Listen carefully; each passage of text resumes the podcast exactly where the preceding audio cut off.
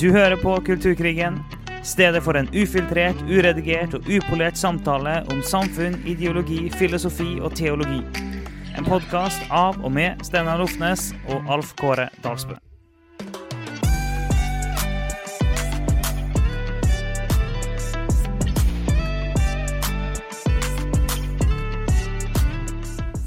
Begynner vi med damene først. Så eh, Katrine og Ingrid Anette, bare kom opp.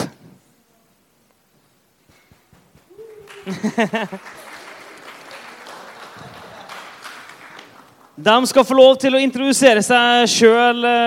Men dere ser kanskje at de har lik genser på seg. Det er som mammas hjerte. Hvis dere ikke vet hva mammas hjerte er, så er det eh, en sånn eh, livreddende eh, kanal for eh, mødre.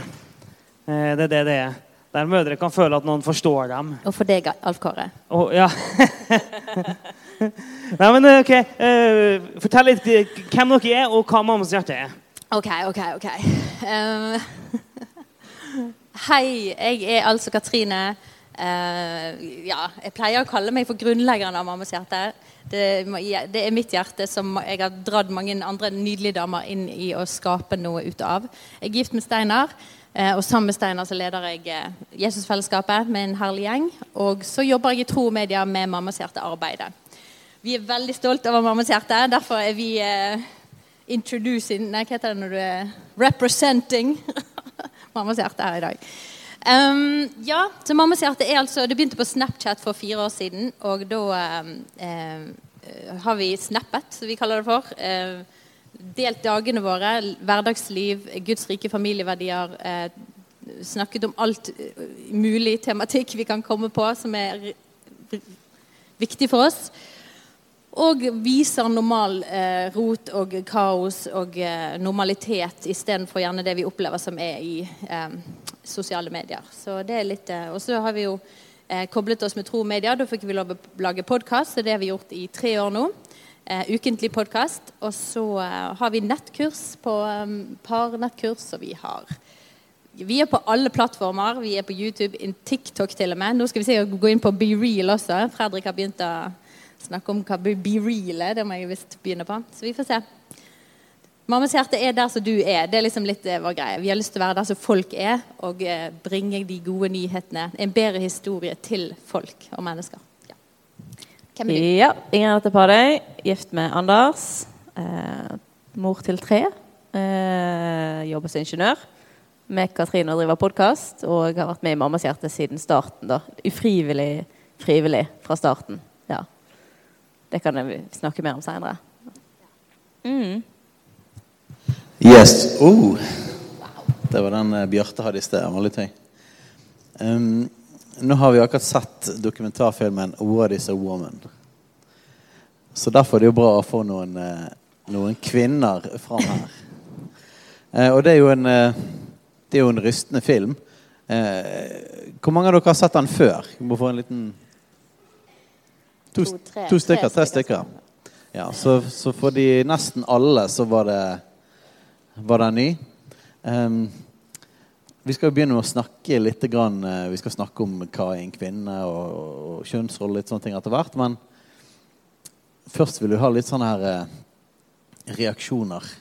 Første reaksjoner på denne filmen. Hva er på deres hjerte? Ja, så Dere har jo gjort dette med meg to ganger nå. Sist gang jeg ble bedt om å se den filmen, var ti minutter før vi skulle gjøre et podkastopptak. Og da hadde jeg sikkert den følelsen som ganske mange av dere har nå. Der du har vært innom alle følelser du på en måte har eksisterende i kroppen din tilgjengelig i løpet av en og en halv time. Eh, men denne gangen var jeg forberedt, for nå har jeg sett den før. så nå er jeg ganske mye roligere. Eh, men jeg innser jo at dere gjør akkurat det samme. Ti minutter etter jeg er ferdig å se filmen, så skal dere ha meg i tale. Nei, jeg er ikke roligere. Rister. ja. Eh, men, eh, men det er sjokkerende, og, eh, og, og, og jeg håper dere sitter og er sjokkert. Fordi at det her er viktig, ryster oss. Og jeg eh, på en måte, Jeg hadde lyst til å gå ut mange ganger, for jeg, blir så- jeg blir så skaket på innsiden. Og jeg, blir så, jeg syns dette er så vondt å sitte igjennom og se på. Spesielt når de går inn på de sosiale mediene og ser på disse her communityene som, som dannes, og hvordan de liksom oser hverandre opp og liksom skaper fellesskap i det. Eh, og jeg syns det er så sårt. Det er så sårbart, og det er så sårt å sitte og se på det. Og, um, men så føler jeg sånn Nei, uff, dette blir for, dette blir for, dette blir for heavy, da. Men så kjenner jeg at det er så viktig at vi ser dette. Det er så viktig at vi ikke er naive. Og ikke bare liksom late som at nei da, mammas hjerte er ute på sosiale medier, da går det nok bra med ungdomsgenerasjonen vår. Nei, dette er det ungdomsgenerasjonen vår ser på sosiale medier. Dette er det de eh, tikker inn på, det som kommer opp i deres algoritmer. Eh, så vi er nødt til å ikke være naive. Dette er det som fòres ute i sosiale medier eh, til våre barn. Eh, og da, kjenner, da, da, da jeg begynner å riste og kjenne at eh, det er alvorlig, dette her. Veldig alvorlig.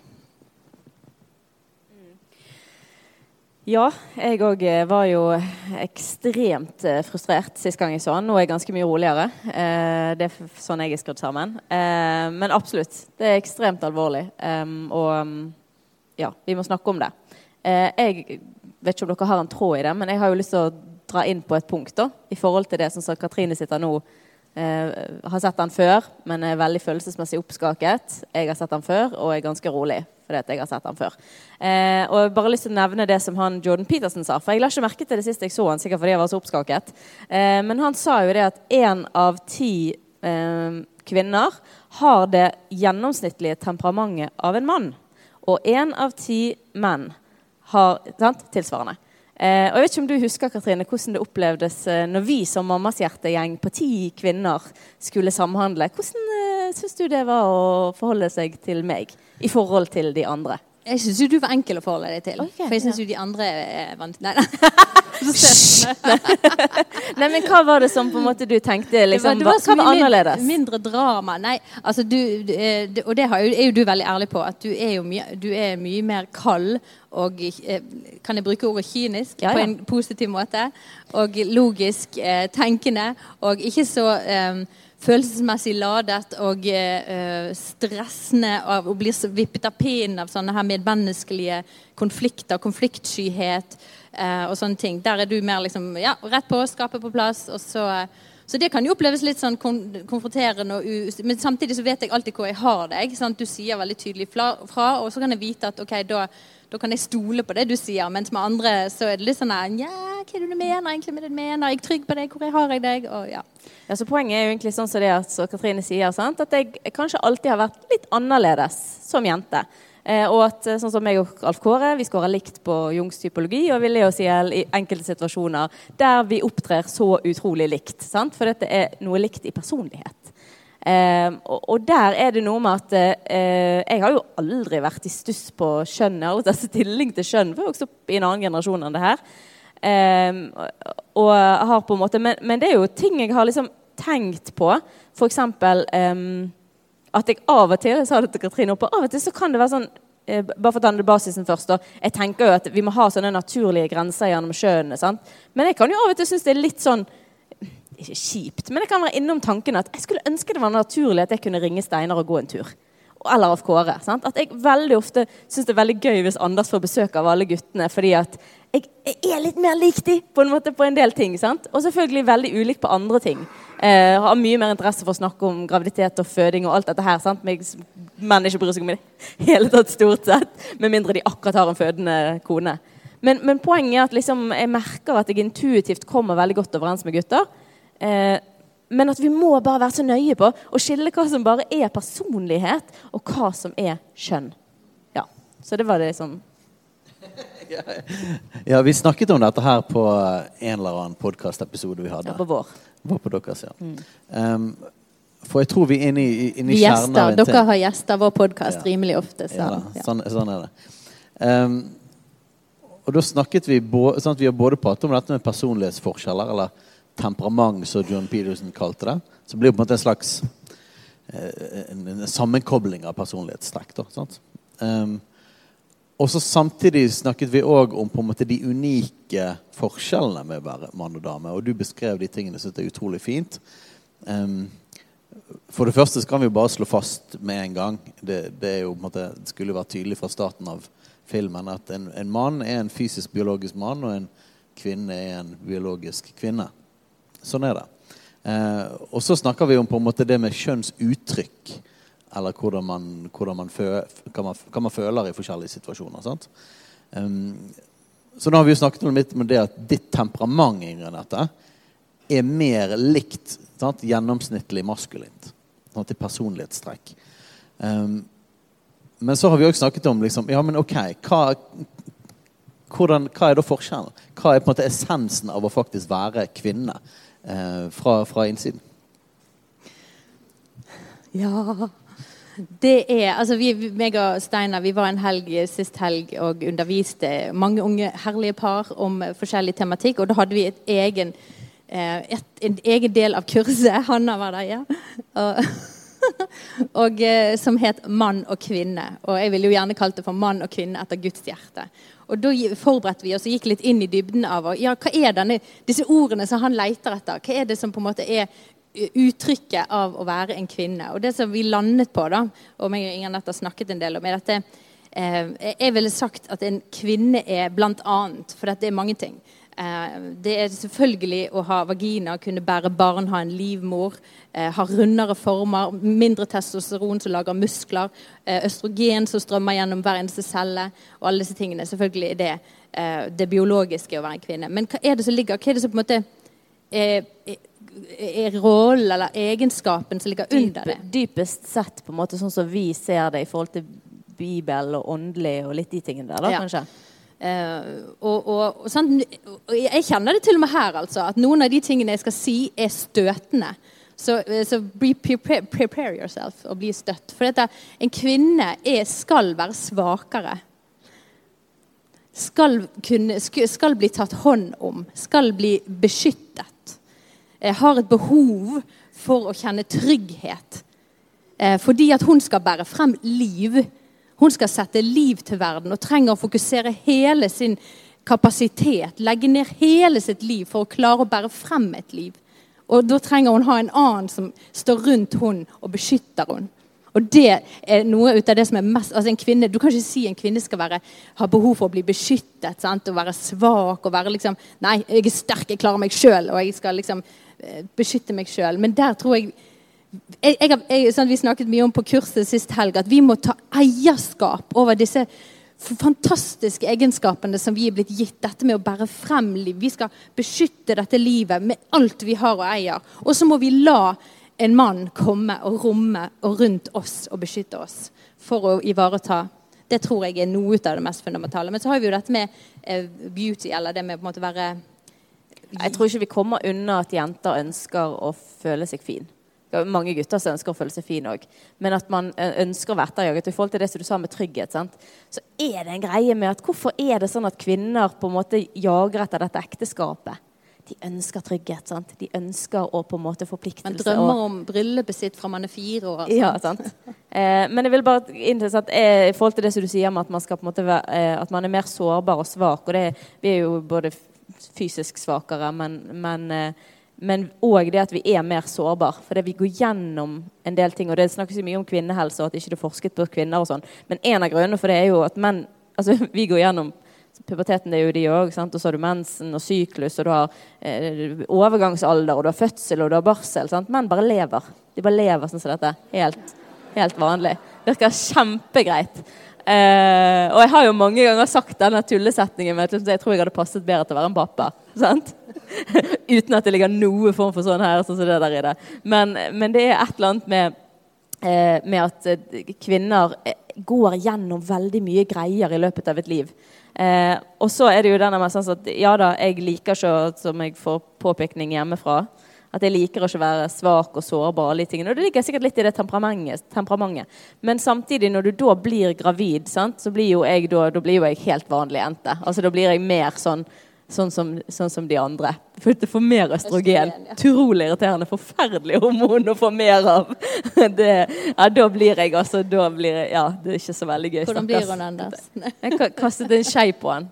Og så, begynte, og så sa jeg at jeg ja, så sa jeg at jeg prøvde å streffe beina, og så sa han men du er veldig dårlig til å kaste. Og så begynte jeg å grine, og så, og så, ja, og så eh, begynte, gikk jeg ned, og så kom jeg på at jeg er med på et prosjekt som styrer 7 milliarder kroner. Og så tenkte jeg herlighet, de lar meg få lov til å ta avgjørelser, og så er jeg helt ko-ko. Og så begynte jeg å le, og så begynte jeg å grine. fordi jeg begynte å le. Ja, sant? Det blir helt sånn ja. Men i hvert fall poenget er at liksom, og det er det som du sier med at vi blir så oppslukt av dette barnet, at vi trenger noen som på en måte beskytter oss. Og det var jo når, når det har blitt tøft hos oss, og sånn, at Anders har på en måte gått inn og sagt at nå er det nok. Nå, skal vi, nå må vi få hjelp, eller nå må vi liksom Ja. Vi har behov for det. Vi klarer ikke å tenke klart når vi er inni den der. Ja. Men så vil jeg også si, Du var inne på det med, med å, å, kvinner liker I utgangspunktet tror jeg alle kvinner ønsker å ta seg godt ut. Eh, pynte seg. sant? Du så jo den der eh, herlige afrikanske landsbyen. og Du så bare på rekke så sto de. Så dere de hadde pyntet seg med gullenker og med de flotte farger. Og det liksom, det er noe med at kvinner ønsker å se bra ut for at mennene skal bli tiltrukket av de rett og slett, og jage etter de og fange de, og, og mange kvinner ønsker å bli ja, liksom vunnet. Sant? Kjempet for. Vinn din kvinne. ikke det en sånn greie, Einar? Eh, ja, sant? Du er god på det? Ja. Du har laget en sang om det sikkert òg. så, så der tror jeg eh, det her med å bare liksom Femininitet, femin, feminine uttrykk i klær, i farger det er, ikke, det er ikke bare av en grunn at på en måte jenter leker prinsesser og kler seg i altså disse veldig sånn rosa og dill og dall. altså det er veldig sånn, Men jeg tror det er en veldig grunnleggende ønske om å bli sett, bli, eh, bli på en måte ønsket, bli, bli lagt merke til av eh, menn. da. Men når du ser små jenter gjør det over sin far, har lyst til å bli lagt merke 'Se meg, pappa. Jeg danser her for deg. Jeg har pyntet meg. Se meg. Anerkjenn meg. Fortell meg hvem jeg er.' Og Der tror jeg en fars rolle er utrolig viktig inn i å bekrefte damer og femininiteten i da, jentene sine. da. Jeg legger jo merke til at uh, det er forskjell på to damer i sofaen her og to menn. i forhold til sted. For at de, de bare snakker seg imellom. Det er det... Vi er vant med det. ja. Har dere noe dere vil spørre om? Nei, men det, det, det, er bra, det her, og det, det, er absolutt relevant å snakke om. Men jeg legger jo merke til at når dere snakker om hva er en kvinne, så snakker dere da hele tida ut ifra biologi. Det er det dere gjør. Det hele, det, det, det hele tida ut fra biologi og ting som skjer i kroppene våre. Og det er ikke noe tvil om at kroppene er forskjellige. Det har tatt meg ti år å lære, men nå har jeg lært at jeg ikke er gift med én kvinne, men jeg er gift med fire. Det har tatt meg ti år å lære, men nå har jeg lært det. At, at syklusene gjør at jeg er gift med fire kvinner, ikke én. Um, så det er ingen tvil om at det finnes noen biologiske forskjeller her. Men det er jo interessant da, når dere får spørsmålet. Så, eh, når vi setter en film, det er en og en halv time, så er spørsmålet bestilt hva er en kvinne og nesten ingen kan svare på det fordi ingen vil ta, utgangspunkt i biologien. Altså Får dere spørsmålet, og så er dere rett på biologien. Og jeg tør å påstå at for veldig mange som hører dere snakke, og som kan være uenig i noen nyanser, og sånne ting, det kan være, men jeg tror likevel at mange som vil høre dere snakke om det, vil kjenne at ja, eh, nå er dere inne på eh, en del av essensen av å være kvinne. Mens det vi så i en halv time, det var veldig forvirrende. Og så går, går dere rett til biologien med en gang, og så gir det bare mer intuitivt mening for veldig mange. Det syns jeg er en interessant observasjon. Eh, som en kristen så tar jo vi utgangspunkt i objektiv sannhet. Vi tror at det finnes en sannhet utenfor oss sjøl eh, som definerer oss. Eh, og som en kristen vil man òg tenke det at biologien og psykologien og identiteten henger sammen. Det er ikke helt forskjellige løsrevne ting. Så det å være en biologisk mann eller en biologisk kvinne, det fører òg til psykologiske ting. F.eks. hvis vi var inne på østrogen og testosteron. Det får, det får, konsekvenser for hvordan man tenker og føler. Vi, vet, vi kan sikkert komme inn på det med, med Einar og de etterpå, for dette vet Einar er og Mannspodden har vært inne på dette med testosteron og, og, og mann og sånn. Men eh, en morsom greie der er at vi har en eh, litt vill hund. Eh, og han er snill, men vill. Og, og vi har nå tatt han inn på sånn kjemisk kastrering. Det er en sånn foreløpig greie som varer i seks måneder. Fordi at alle hans atferdsvansker, da, f.eks. Å, å bjeffe for mye på andre hunder, ikke gå fint i bånd, masse sånne ting Det viser seg at alle problemene hans handler om testosteron. Så det at for å fikse hunden vår, så gjør de han til mindre mann. Så det var litt støtende, syns jeg. da, Når de ned med testosteronnivået, sånn at han skulle endre atferd. Og Poenget er at dette er veldig reelt. Så det fysiske henger sammen òg med det følelsesmessige. Og så selvfølgelig så må vi ha rom for dette spennet i forskjellige personligheter. Men uten at det betyr at det tar vekk essensen. Både, både kroppen, men òg identiteten eh, og det psykologiske. Alle disse tingene henger sammen. Eh, og det er viktig å si som en kristen. Identitet kommer ut fra hele denne pakken og ut fra noe, et, en ytre, objektiv sannhet. Det er ikke noe vi først og fremst leter etter på innsiden, men det er noe som definerer oss utenfra. Ja. Jeg vil jo legge til der i forhold til den hunden, da. Eh, så, så, er det jo litt sånn støtende at vi faktisk gjør det, liksom. Men sant, der er det jo Vi tar jo Det er transhund. Det er en transhund. Men, men det poenget her da, er jo at vi har tatt han ut fra sitt naturlige habitat og inn i et hjem. Han får en flokk og sosial eh, stimulans og litt tur her og der. Men er, han, han, for at faktisk han skal temmes og kunne leve i, en, i et hus, som ikke hunder liksom egentlig er eh, skapt til å gjøre, så må de på en måte begrense. sant? Fordi at det blir egentlig unaturlig hold av et dyr som skal være ute og løpe dagen lang og være vill og jakte på eh, diverse dyr for å overleve. sant? Men mens, da tenker jeg litt at ja, hva er det med samfunnet vårt som har gjort det sånn at det blir et unaturlig habitat for, for mann og kvinne å leve som de skal gjøre, da?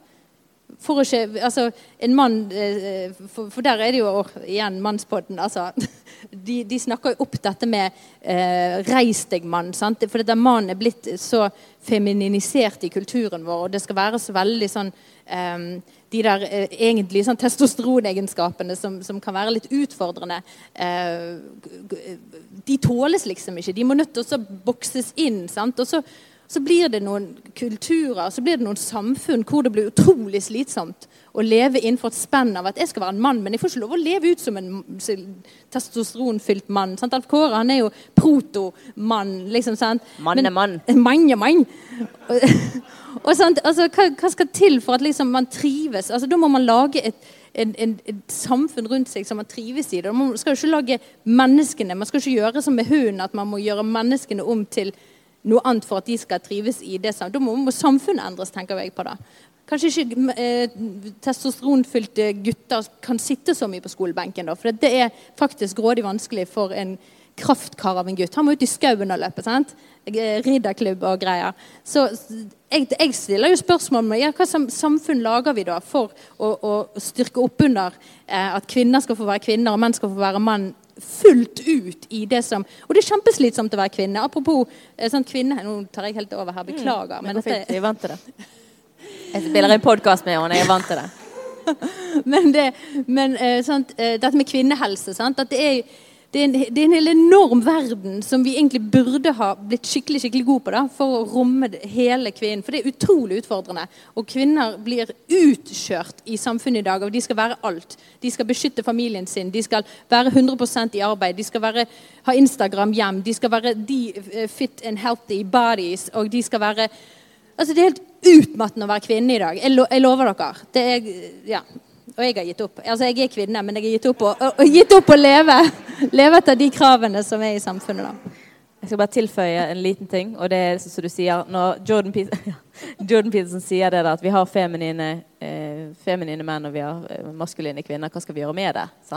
Eh, og, og, det er jo litt i det du sier, at på en måte, eh, når da eh, jeg på en måte er, er litt mer i temperament som en mann, det som, det, det har ikke, dette har ikke vært et problem jeg har ikke vært innom. Altså, men hva er det vi sier til de som på en måte eh, føler at de kanskje kommer av og til bedre overens med gutter? Hva er det vi sier til de sånn 'Å, det er så deilig å jobbe i et mannsdominert yrke.' Sant? Det er ingen drama.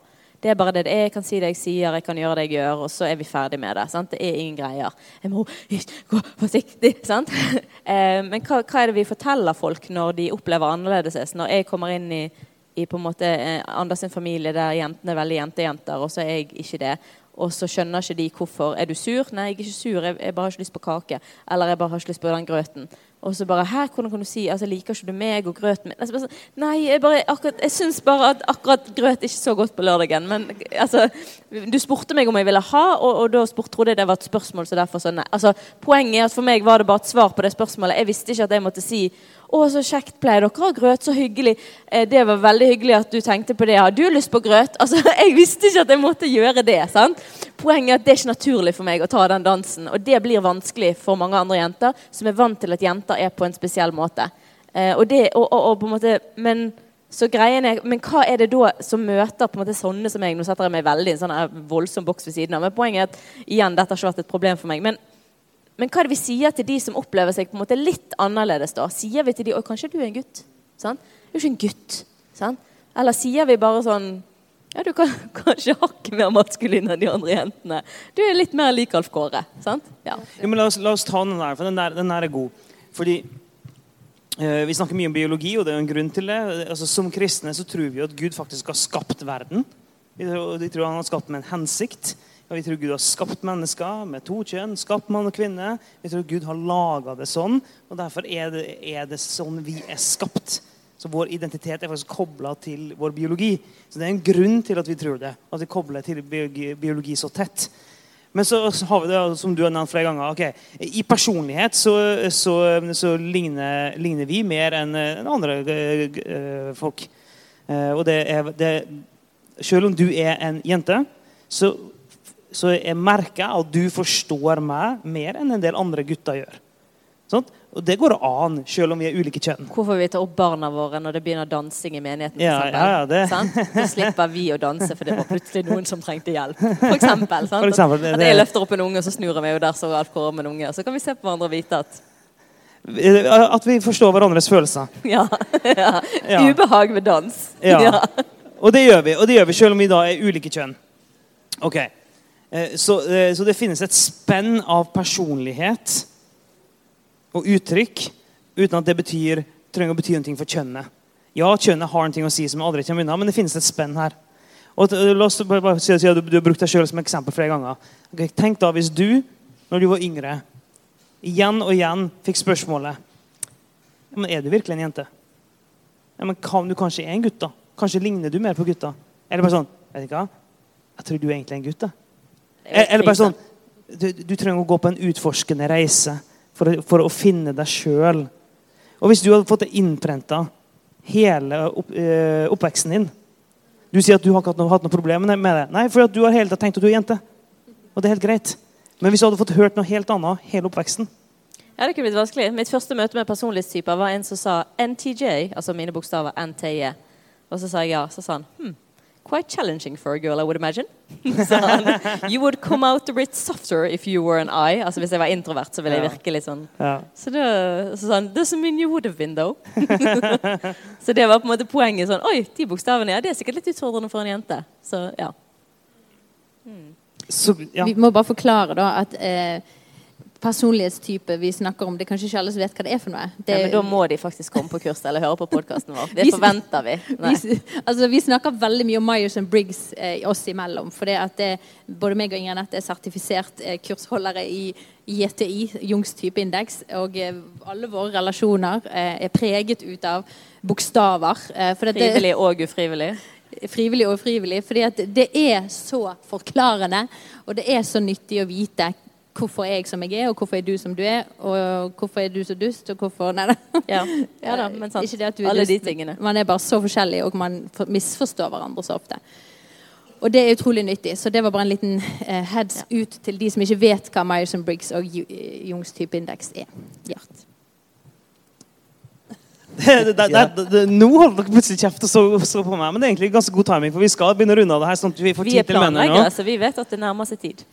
I hodet. Vi har klokke i hodet. Men det med Steinar vil si noe, så han er nødt til å si, få si noe på slutten. Ja, nei eh, Bare en, tilbake igjen til den filmen, så vil jeg bare si at um, um, Det kan være lett når man ser en sånn litt sånn avslørende dokumentar, at det er litt voldsomt, og det er i Amerika, og, og man kan liksom tenke ja, liksom hvordan dette er vinklet og sånne ting. Men eh, meg og Alf Kåre har gått ganske mye inn i, og jeg jeg holder på å oppdage mer og mer av hvordan disse tingene preger her i Norge. Og, og vi skal snakke mer om de tingene etter hvert òg. men dette er mye, mye mer i Norge enn det vi skulle tro. Eh, dette dominerer eh, mye av universitetet her i Bergen. Det fins egne eh, kjønnsforskningen i Bergen er, er veldig preger landet vårt. Um, dette står som sagt i lærebøkene til folk. Jeg fant det tilfeldig i vår tiårings lærebok når jeg hjalp henne med leksene. Et helt kapittel om kjønnsidentitet. Alle disse tingene som blir hevdet her, blir undervist til norske skolebarn. Eh, det blir undervist i barnehagen mer og mer. Og det er såpass dominerende at hvis du går imot det, så blir du kalt transfob. Vi vet om personer i dette rommet som har snakket om disse tingene på jobben. Spesielt hvis du, hvis du er ansatt eh, i, i, et eller annet offentlig, eh, offentlig eh, arbeid. Så hvis du snakker om disse tingene, så, så vil du få varsler på deg. Um, så, så bare, jeg vil bare minne om dette. Dette er ikke noe bare langt, et eller annet ekstremt langt over dammen. Dette er ganske kraftig inn i, i Norge allerede. Og eh, derfor snakker vi om det. Derfor, derfor, snakker vi om ting som kanskje kan virke som selvfølgelig.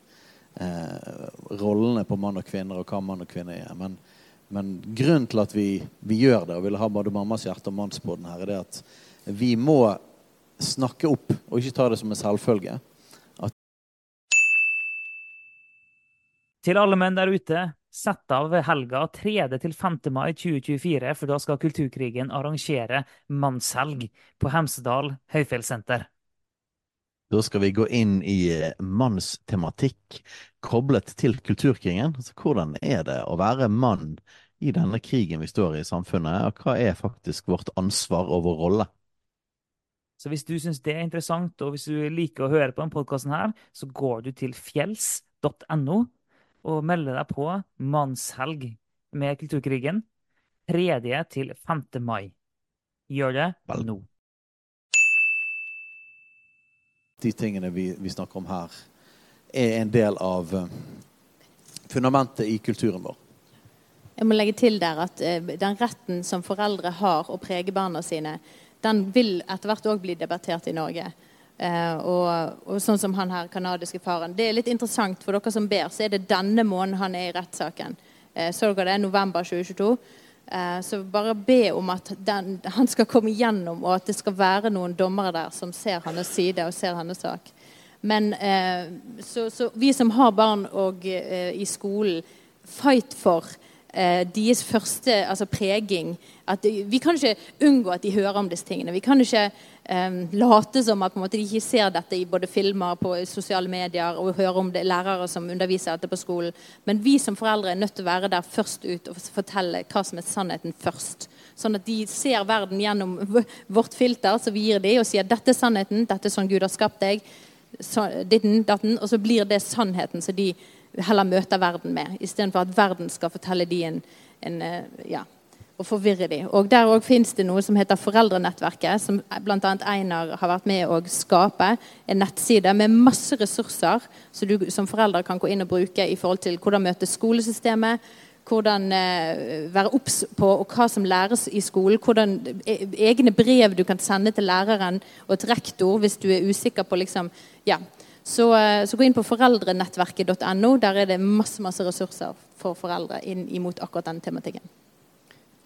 Veldig bra. Vi skal mm, runde av eh, der.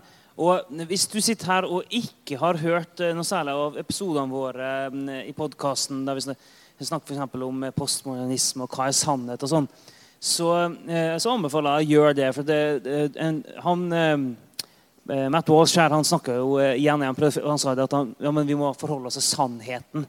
Og så merka du at det, var, det, gikk ikke inn.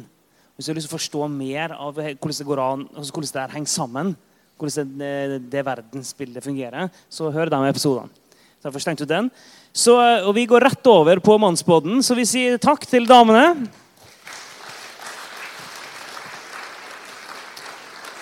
Og så ønsker vi herrene velkommen.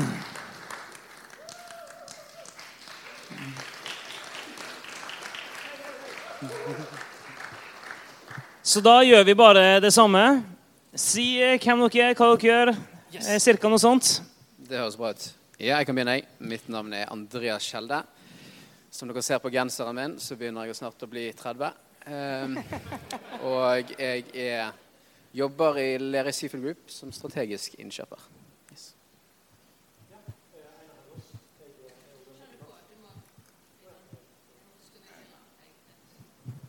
Halla igjen. Veldig bra. Ja, Einar Helgaas. Jeg jeg holder på med Mannsbåten sammen med Andreas Skjelde. Han inviterte meg inn på det. Jeg sa ja, og det har gått veldig bra. Eh, Jeg har jobbet i laget nå i over 20 år, så de sliter med å bli kvitt meg der. Jeg liker å jobbe med evangelisering og ledertrening og disiplering. så eh, det er fantastisk kjekt. Så er jeg gift med Audhild, som dere også kan høre på Mammas hjerte. Eh, Vi har fire barn, to gutter som har flyttet ut, og to jenter som bor hjemme. Eh, og ellers har jeg eh, så mange interesser at jeg tror ikke vi skal begynne å snakke om det så seint på en fredagskveld. Ja, veldig fint. Eh, Vi hopper egentlig bare rett ut i det. Hva, eh, kan vi få noen umiddelbare reaksjoner på filmen vi har sett? Ja, jeg syns filmen er ja, Det er helt utrolig, da. Det er helt utrolig at vi lever i et samfunn der vi diskuterer disse tingene. her. Altså, Vi har mange andre ting å diskutere, vi har mange andre problemer i verden i dag enn å diskutere dette. Og jeg fikk egentlig bare et bilde. da, Jeg vet ikke om eh, ja, Folk flest har vel sikkert gått på Ulriken her, regner jeg med? Er det ingen som har gått på Ulriken? Ja, ja, ja, bra, bra. Det er bra å nyte fjellet, da. Eh, og jeg tenkte liksom at av og til så har jeg gått på Ulriken når det er tåke. Eh, og når det er tåke, og du skal begynne å gå over vidden, da er det skummelt. For du ser ikke veien du går på. Eh, og det som jeg i hvert fall har lært meg, da, det er at jeg må bare stoppe. Ikke sant? Eh, og jeg føler det liksom det kanskje denne debatten egentlig handler om. da. Man ønsker å stoppe noe. Man ønsker å forvirre folk, for da blir folk bare eh, altså Man begynner bare å tenke på seg sjøl, f.eks. Eh, man har kun fokus på seg sjøl. Og når man kun har fokus på seg sjøl, så forandrer man ikke. Man gjør ikke verden til et bedre sted. da. Eh, så det var litt det jeg eh, Det var den reaksjonen jeg satt igjen med. da. Jeg vet jo nesten ikke hvor jeg skal begynne. altså. Eh, som de sa, så var jeg med å starte dette foreldrenettverket. For, eller Foreldreopprop 2022, som òg ligger ute. Eh, og eh, med et nettverk, vi er jo kanskje 120-130 personer som jobber aktivt i Norge på denne fronten. Det er sikkert flere her som er med i den gruppen. Så det er jo en del ting som skjer, og det er veldig bra. Ehm, en ting jeg tenkte på var jo, eh, Det er veldig interessant å se hvordan de eh, prøver å forskjønne altså disse som jobber med disse tingene i USA. De prøver hele tiden å harmonisere og forskjønne det. Ja, det er nesten ingen som angrer. og det bare, De bare harmoniserer eh, noe så Det er jo en vanvittig løgn. da. Når jeg var mest aktiv på dette med kjønn nå er det, ja, Jeg husker ikke hvor tid jeg var på med, et år siden. eller noe sånt, ehm, Så var jeg inne på, Reddit, på en side som heter Dtrans. Der kan alle gå inn. Eh, eh, du får ikke se alt tror jeg, uten å bli medlem. Men der var jeg regelmessig inne da. Så så jeg hvor, eh, hvor raskt det tallet steig. For det er selvfølgelig da en, en, en online-ressurs der folk går inn og så diskuterer de utfordringene med at de har skiftet kjønn eller er i de prosessene. Og jeg skrev jo og styrte på for det, Her øker det med hva var det, 200-300 i uken eller sånt, altså med folk som da har problemer med gender dysphoria. Men nå var det lenge siden jeg har vært inne. Så siden jeg skulle her hit i dag, så, så sjekket jeg tallet. Som sagt, det var over, litt over 20 000 sist. 41 500 medlemmer på Dtrans på Reddit. Forklar litt hva, hva D-trans er, bare så det Hva sa du? Ja, Ja, eh, bare forklare. de som har detransitioned, det er jo de som vil gå tilbake til sitt opprinnelige kjønn. Sant? Da er det en detransitioner. Eh, og det er jo tåredryppende å lese det de skriver om fortvilelsen når de angrer. Men det så vi jo her på filmen òg, så det trenger ikke snakke lenge om. Det, var- det var på en måte evident enough. Eh, og det er, det er en, eh, en ufattelig tragedie som er, som er i gang. I Norge har vi heldigvis Rikshospitalet som ikke gønner på her. De er tilbakeholdne. Selvfølgelig Espen Pirelli Benestad og alle hans eh, 130 sexologer de er ikke veldig fornøyd med det. så De er hele veien her, de er altfor strenge og de vil ned i alder. og De vil tenke sånn som disse. Det er ikke fullstendig frislepp i Norge, men det er jo nettopp derfor vi må, vi må aksjonere mens vi kan. Sant? Og prøve å få common sense, som man snakket om, så prøve å få tak i noe fornuft her. Sant?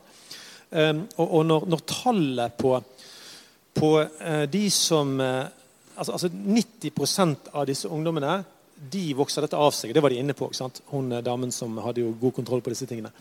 Um, de vokser det av seg. Allikevel så sier man at du må stoppe puberteten. Og du må for all del komme i gang i løpet av kort tid. Og det tar altfor lang tid på Rikshospitalet, sier de. Eh, og det er jo, ja, det er jo sprøtt. Det er ikke noe fornuftig i det, i det hele tatt. Men det er såpass ideologisk eh, sterke krefter bak, som dere beskriver veldig godt i Kulturkrigen. Jeg er veldig takknemlig for dere, den jobben dere gjør der for oss. Du forstår mye bedre hvorfor vi er der vi er.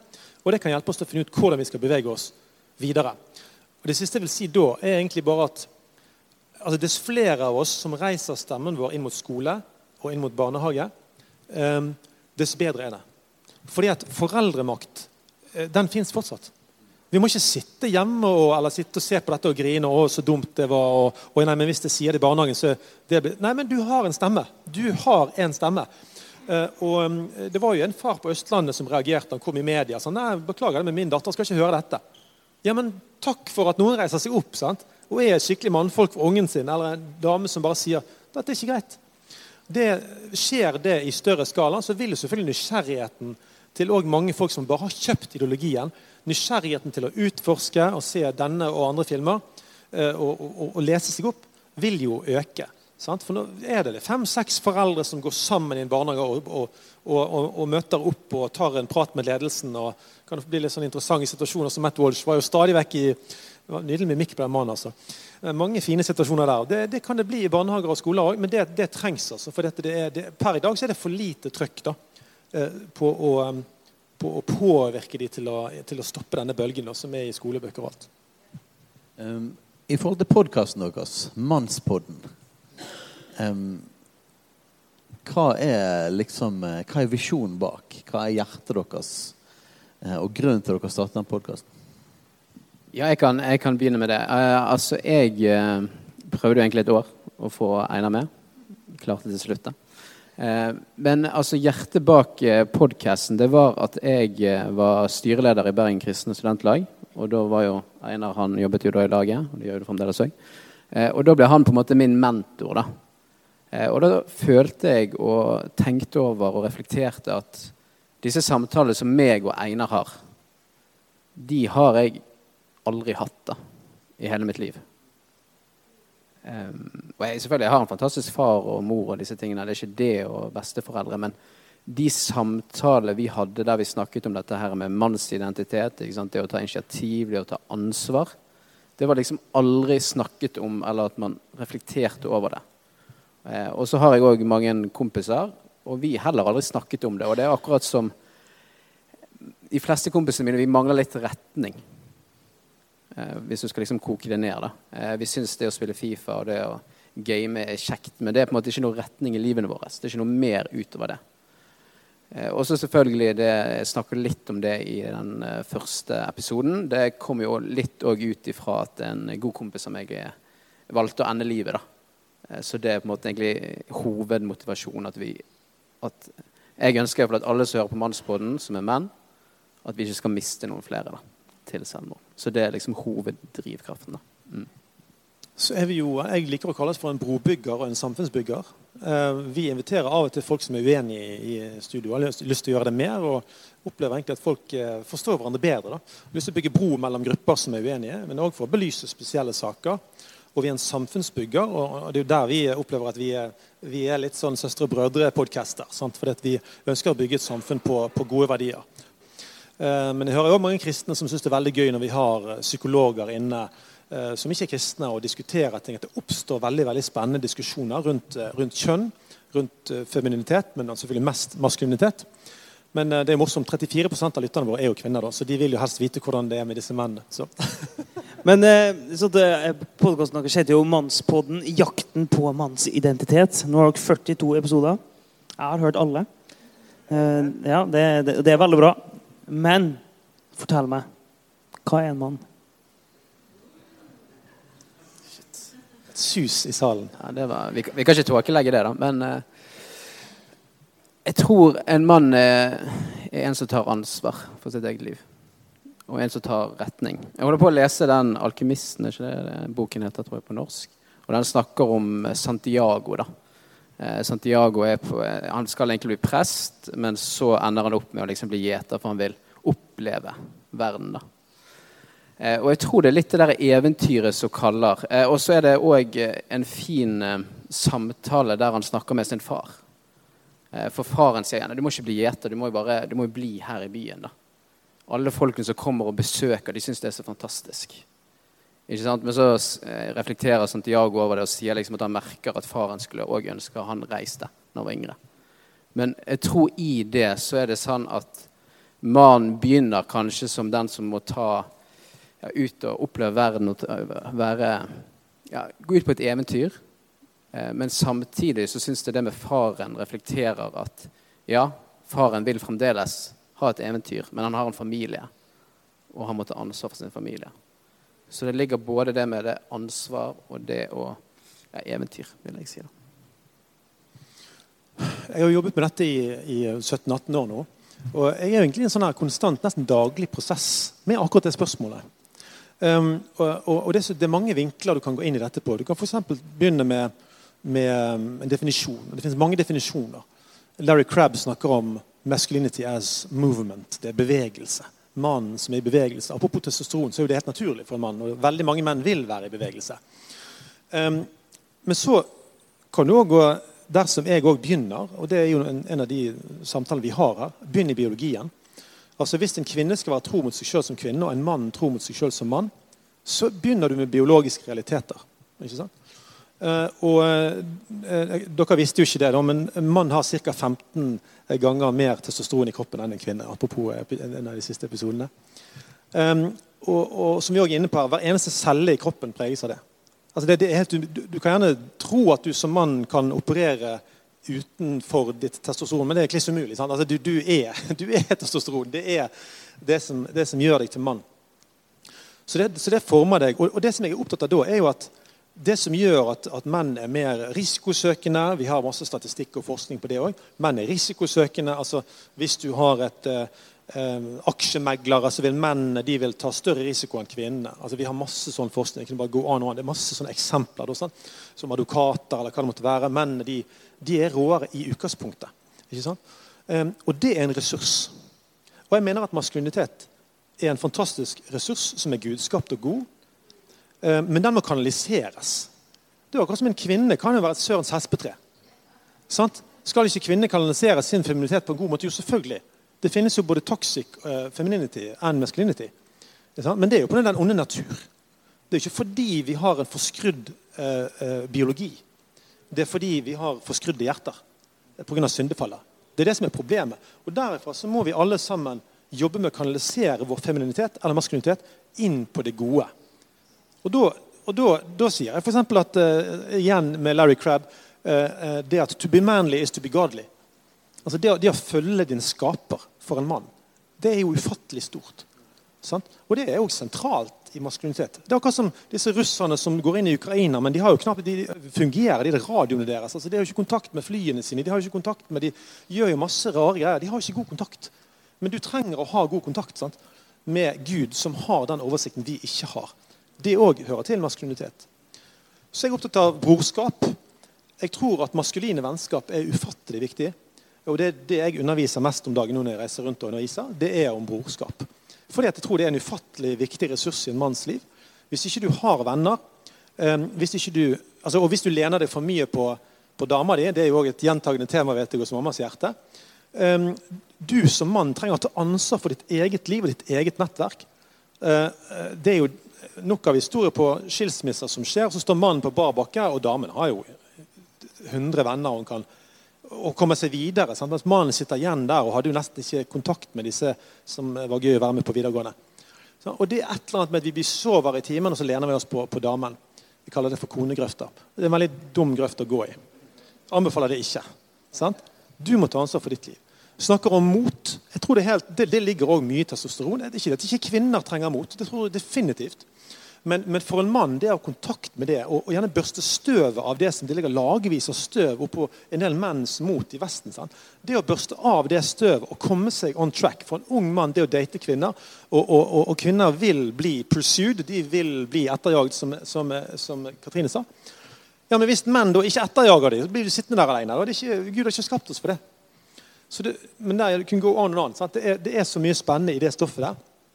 Det trenger vi å snakke om for å være liksom, tro mot vår maskulinitet. Og Det tror jeg gjør at vi ikke bare blir lykkelige sjøl og får selvrespekt, rett og slett, men det betyr òg at du, du får kraft til å gjøre verden til et bedre sted. For jeg har ingen tro på en maskulinitet som er isolert. sant? At ja, jeg fant ut av meg sjøl, og så sitter jeg her hjemme, og det er utrolig mye bra på TV i kveld. Altså, jeg tror du, du, du skal gjøre verden til et bedre sted. Det gjelder å starte fotballag der det er ikke er fotballag, og det gjelder å være aktiv i studentforeninger som student. Det gjelder å, å, å ha arrangementer i nabolaget, så ikke nordmennene blir bare sittende inne hver for seg i, i hvert sitt hus og knapt hilse på hverandre i gaten. Noen må samle nabofeltet. ikke sant? Eh, og alle sånne ting eh, spiller inn. Det er, så, så, ja, det var lov å klappe. Det, det, er så mange ting, eh, så mange veier vi kan ta det her. Um, og igjen, sånn, det, det, blir jo så tydelig. Vi, vi går til biologien hele tida. Som jeg sa i stad, det er en grunn til det, for vi tror Gud har, Gud har, skapt verden med en hensikt. Gud skapte verden, og han sa det her er godt. Så biologien vår er god. Biologien vår er gudgitt. Så Derfor går vi hele tida tilbake dit. Uh, og Vi snakka litt om det med testosteron. Jeg hørte en en dame som har forska på, um, på, uh, mannlig seksualitet og testosteron her nå for, i forrige uke. Og så fortalte hun at det, det var noen eh, kvinner som hadde eh, begynt på testosteron. De hadde lyst til å bli mann. Og så hadde de opplevd at når de begynte på testosteron, så, eh, så forandra eh, Måten de så på sin partner, forandra seg dramatisk. Og de sa det at Før de begynte på testosteron, så var det sånn at de var interessert i sin partner som person. Men de hadde ikke den voldsomme tiltrekning og dragningen til altså seksuelle tiltrekningen og til kroppen. Og Så begynte de på testosteron. Og så, og så, og så fortalte de hvordan de bare ble hyperfiksert på kroppen og ble utrolig tiltrukket av kroppsdelene til partneren. Og ene og alene bare fordi de begynte på testosteron. Uh, og, og jeg har, jeg, I denne podkastepisoden tror jeg aldri har hørt en dame snakke om mannlig seksualitet med så mye empati. Uh, for Ofte så er det sånn mannen må skjerpe seg, mannen er bare en gris. og sånn. Uh, men bare sånn, å høre en dame med, med liksom, nærmest medfølelse snakke om hvor, hvor, heavy det kan være med det testosteronet som kjører i kroppen til en mann, at det var helt nydelig. Jeg holdt på nesten på å, grine jeg kjørte i bilen og hørte på det. Det er, men, sånn det, det, men, det, er ekte. da, Det er reelt, de ulike tingene som skjer i kroppene våre. Det er mange ting vi kan si om det. Men jeg vil gjerne at vi skal berøre et tema til. Uh, og det går på det her med, med uttrykk. Altså kjønnsuttrykk.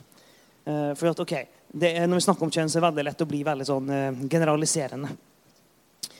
Eh, jeg vil at vi skal ta noen minutter på slutten til å reflektere litt rundt det. For det er jo ikke alle som kjenner seg igjen i generaliseringa av, av, av eh, mann, f.eks. Det ble sagt her at, i stad at jeg er en mannemann, jeg er macho. Og det liker jeg veldig godt å høre. Det gjør jeg. Det er, da føler jeg meg hjemme. Jeg har lyst til å være macho. Jeg har lyst til at folk skal se på meg som det. Og jeg føler jeg bare sånn, ja, liksom. og, og, hvis du tar litt sånn typiske karakteristikker av en mann Jeg kjenner meg igjen i alle. Det er, liksom, det er helt topp for meg. Eh, så jeg er bare rett inn i den boksen. Det er helt greit. Det er mye Men, damer her nå. Bare sitt rolig. Altså, han, ja, ikke, ikke, vi må ha sånn veisperring foran her nå. Men, og det funker kjempebra for meg. Men det er jo ikke alle som kjenner seg igjen i den generaliseringa. Så kan vi, kan vi uh, bruke de siste minuttene på å reflektere rundt det. Hvordan skal vi snakke om det, og hvordan skal menn forholde seg til det? Har dere noen tanker? Dere har noen tanker, men uh, Kort? Ja, kort. Det skal jeg være. Det kommer, jeg tror det kommer tilbake til ansvar. Ansvar ser forskjellig ut. Altså Hvis du eh, f.eks. er daglig leder for et stort firma, så har du ansvar for 100 stykker. Men noen har kanskje bare ansvar for sin familie. Noen har kanskje ansvar for seg sjøl. Og ut ifra det så er man ulik som person. Det er jo liksom, altså ulike personligheter. Og disse spiller jo inn i det maskuline. Altså Det er jo noen som jeg kjenner som digger å gå på kafé og ja, drikke Ja, du skjønner de greiene der. Eh, og, men det er noen som Einar, ikke sant, som digger å dra opp til eh, hytten sin og hogge ved. Liksom, og, ja. så, så, det er jo forskjelligheter innenfor det, men det handler jo om ansvar. ikke sant? Han som går på en kafé, ikke sant? han er kanskje mer opptatt av relasjoner, f.eks. Mens han som går og hogger ved. Han er mer opptatt av aktivitet. Og da må du finne noen som liker det aktivitet. Og, det noen, og så må du finne deg venner for eksempel, som liker å være med deg på en kafé. eller noe sånt. Men begge kan være like mye mann. Ja, Begge to er jo like mye mann, for Mhm. de tar jo ansvar for sine egne liv. Men det ser ulikt ut. Mm. Det er for sånn at hvis du Altså meg og deg har jo ikke muligheten til å bli en basketballspiller da, i Mm. NBA. Altså Det er bare begrensninger. Vi er ikke, vi er ikke høye nok, da, dessverre. Mm. Men vi, Han var ganske høyt oppe her i sted. Har Ja, du ja. tenkt å ta han helt ned nå eh, på en fredagskveld? Ja, men vi kunne eksempel kanskje gjort det ganske bra i ja, jeg vet ikke, fotball eller kanskje MMA. da. Eh, men eh, nå skryter ja, nå ja, jeg veldig. MMA, vi, Men- det, det, vi, vi kan ta den. Ja, vi- vi MMA er greit. etterpå, ja. Ja, ja, det er helt greit. men det er liksom, altså det ser forskjellig ut, da. Men vi er jo like mye mann for det, da. Vi, vi må se litt, litt mer om det. fordi at, eh, Og tilbake til, til kjønnspraten vår, som er ho hovedsamtalen her i, i kveld. Og det er det at En av grunnene til at en del vurderer kjønnsskifteoperasjoner, er jo eh, litt for smale stereotypier rundt kjønn. Eh, og det er veldig interessant, egentlig. Eh, altså, å ja, Du må ha sånn og sånn skjeggvekst, og du må være sant eh, Jeg husker når jeg gikk på bibelskole, var, husker, det var en gutt som han hadde veldig komplekser fordi han hadde ikke skikkelig skjeggvekst. Han hadde bare noen sånn lite dun. Ja, men Det er fordi vi menn er sårbare. Vi, faktisk, det må jeg bare si, eh, snakket om sårbarhet, men er, er de som mener at menn er mer sårbare enn kvinner. Det kan f.eks. spille inn på selvmordsstatistikker og forskjellige ting. Men, men poenget er at vi er nødt til å ha en, en, en ganske god bredde i hvordan vi tolker og, altså fortolker vår egen maskulinitet og, og, og femininitet. Hvis, ikke, hvis vi gjør det for smalt, så tror jeg ikke vi gjør menneskeheten en tjeneste. Da, tvinger du folk ut i en sånn misery, og, og bl.a. dette kjønnsskiftgreiene. Det hadde ikke vi før. Eh, Men da kunne det være det at du var utenfor. Sant? Maler en mann med akvarell. ja det er helt, Jeg har en kamerat som gjør det. Han liker å male akvareller. Eh, Han er ikke med meg ved. Men det er helt fint. Det er helt greit. Eh, Men jeg er mye mer opptatt av eh, mer grunnleggende ting. Selv om du maler med akvarell eller du hogger ved, så kan du ha mot i livet ditt, og du kan bruke det når det trengs. Om det er at du må reise deg opp for et barn som blir mobbet, og du må ringe noen foreldre som er veldig awkward samtale om eh, det barnet som mobber. Altså, det er jo så mange situasjoner der du trenger mot. Det er på ingen måte bare i skogen eller i MMA. Det er, det er mange situasjoner som krever mot. Eh, Jeg tror de aller fleste av oss egentlig kanskje trenger mot hver dag, faktisk. Eh, eh, meg og min kone hadde en litt dårlig ting som skjedde i går kveld før vi la oss. Eh, I dag sendte jeg en melding til henne. Vi hadde en litt alvorsprat i gangen før jeg dro hit. og Det, det trengs til og med mot i ekteskapet. Du kan skjule deg, eller du kan, du kan gå fram og si du, det gikk ikke bra med oss i går. Hva, hva skjedde? Kan vi snakke om det? Og så bare gjør du deg sårbar, og så snakker vi. Sånn? Så jeg er mye mer opptatt av, av grunnleggende karakteristikker enn at du må absolutt eh, kjøre en så kul bil, eller du må hogge ved sånn og sånn. Eh. For det er noen uttrykk som du må velge sjøl. Altså, du må sjøl fortolke din maskulinitet og feminitet egentlig hver dag. Sant? Men du har, du har biologien i bunnen. sant? Og det gir noen klare, eh, altså klare profiler for menn og kvinner generelt. Men din jobb er jo å finne ut i hverdagen hva betyr det for meg. Og der tenker jeg der skal vi være rause med hverandre. Og så tenker jeg at, at det er viktig at vi ikke kjøper kulturen vår tanke om at identitet kommer innenfra. Um, at selv om vi snakker om karakteristikker av maskulinitet og femininitet, så er ikke det det som avgjør vår identitet. Altså Vår identitet som mann og kvinne kommer fordi Gud har skapt mann og kvinne. Eh, vi ser på kroppen Det, det er ikke legen som eh, som bekrefter kjønn. Det er ikke legen som sier hva kjønn eh, Legen bestemmer ikke hva kjønn et, baby er. Dette vet vi jo allerede fra ganske tidlig i svangerskapet. Om det er en jente eller gutt. Eh, biologien viser om det er en gutt eller en jente. Og det er da Når vi ser at en er født som en gutt eller født som en jente, så er det et så er det fordi Gud har skapt de sånn. Og det er viktig å holde fast med at Gud ville det. Gud ville mann, Gud ville kvinne. Gud skapte mann og kvinne. Og ut ifra at Gud har skapt, altså en ytre faktor, en ytre objektiv faktor, så er vår identitet mann eller kvinne. Så vi trenger ikke å vente til å finne ut av personligheten før vi skal finne ut om man er mann eller kvinne. Man trenger ikke å vente til jeg føler meg som en mann eller føler meg som en kvinne. Eh, For identitet kommer ikke primært innenfra for følelsene. Eh, Det kommer fra fordi at Gud har sagt. Det er sånn en kristen tenker. Og så kan vi supplere og på en måte krydre det med å snakke om hvordan det er å være mann og kvinne. Vi kan snakke om de, eh, hvordan, hvordan det oppleves. Men lenge før personlighet kommer fram, så er det allerede klart. Vi er mann eller kvinne. Og vi skal heller ikke være redd for å, for å både bekrefte og anerkjenne og eh, dyrke det fram. Nå, vi, har, vi, har, snakket litt i podkasten vår om dette med sosial konstruksjon. Det er en del av hele konseptet i postmodernismen. Eh, og De sier det at kjønn er sosialt konstruert. altså Det, det er kulturen vår som har lagd det konseptet. Um, men som en kristen vil jeg si det at vi kan Vi tror på guddommelig konstruksjon. Det var et uh, begrep vi fant opp mens vi holdt på uh, å snakke i podkasten. Ja, vi tror på guddommelig konstruksjon. At Gud har konstruert og siden vi tror det, og sånn er det helt fra, fra før fødselen av, så har vi full legitimitet til å bekrefte og på en måte backe det. Hvis du, hvis, du, hvis du, er skapt som en gutt, så kan du òg læres opp til å være en gutt. Fordi at det er guddommelig konstruert. Um, så jeg ville bare si, si, det at det er utrolig viktig at vi holder fast på den tingen. Uh, og det betyr det at vi kan ha en mannsidentitet eller kvinneidentitet eh, helt uavhengig av vår personlighet og uavhengig av hvordan vi føler oss. Veldig bra. Vi skal prøve å gå inn for landing. For at, eh, jeg tror at hvis vi åpner en dør til nå, så ryker alt. Så Vi sier så enkelt som det. Eh, vi, lukker mannedøra. Så sier vi eh, takk til dere. Takk for at dere stilte opp. Du vil si en ting?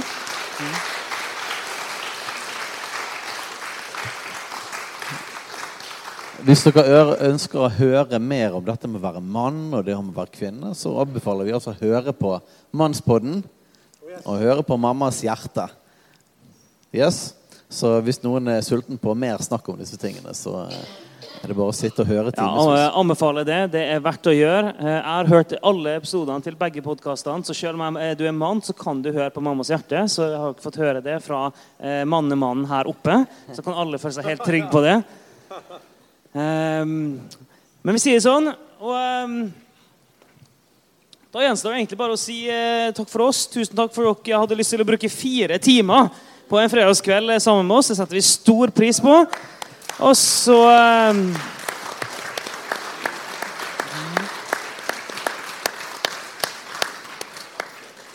Og så blir det plutselig eh, et live-event igjen en gang.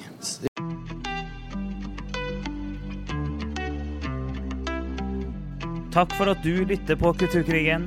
Om du har tilbakemeldinger, spørsmål, hva som helst egentlig, send inn til post alfakrøllkulturkrigen.no eller på sosiale medier.